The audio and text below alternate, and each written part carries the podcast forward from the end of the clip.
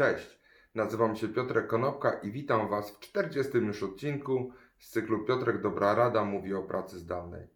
Dzisiaj powiem o słabościach i o tym, że nie jesteście sami w czasach tego kryzysu. W tym tygodniu prowadziłem szkolenie dla jednej z największych firm w Polsce. Na sali szkoleniowej na Zoomie było kilkanaście osób i jednym z ćwiczeń, które mieli wykonać, było opisanie z jednej strony swojego idealnego dnia pracy zdalnej i to ćwiczenie zostało wykonane. Z drugiej strony te kilkanaście osób miało napisać, co im przeszkadza w dzisiejszej sytuacji w trakcie pracy zdalnej z domu, tak jak ona wygląda. Pojawiło się kilkanaście właściwie określeń, bo każdy z, każda z tych osób miała wymienić sześć elementów, które jej przeszkadzają w pracy. I na pierwszy plan wysunęły się dwie rzeczy.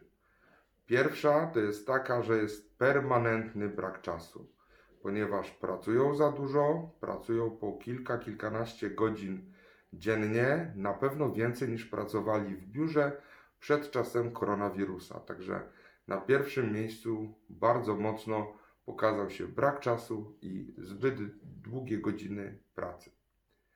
Na drugim miejscu najczęściej to były przeszkadzajki.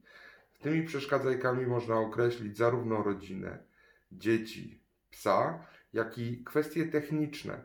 O kwestiach technicznych wczoraj wspominał na swoim live Rafał Ferber, który z Wiktorią Iwanowską mieli jakieś problemy techniczne. Jak ja byłem zaproszony do Wojtka Plony, również miałem problemy techniczne w trakcie tego live'a.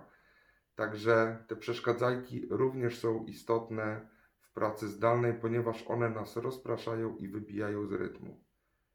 Natomiast wniosek, jaki płynął z tego ćwiczenia, był taki, że nie jesteśmy sami, nie jesteśmy wyjątkowi. Każdy z nas, który dzisiaj pracuje z domu, jest dokładnie w takiej samej sytuacji, jak cała reszta jego koleżanek i kolegów. Ponieważ po raz pierwszy znaleźliśmy się w sytuacji pandemii, gdzie zostaliśmy dosyć drastycznie i natychmiastowo przeniesieni do pracy w domu. Wszyscy z nas, a właściwie większość z nas, zderza się z tym samym problemem, to znaczy z nieumiejętnością zorganizowania sobie czasu, z problemami e, psychicznymi czy psychologicznymi wynikającymi z tego, że nie umiemy odnaleźć się w tej sytuacji.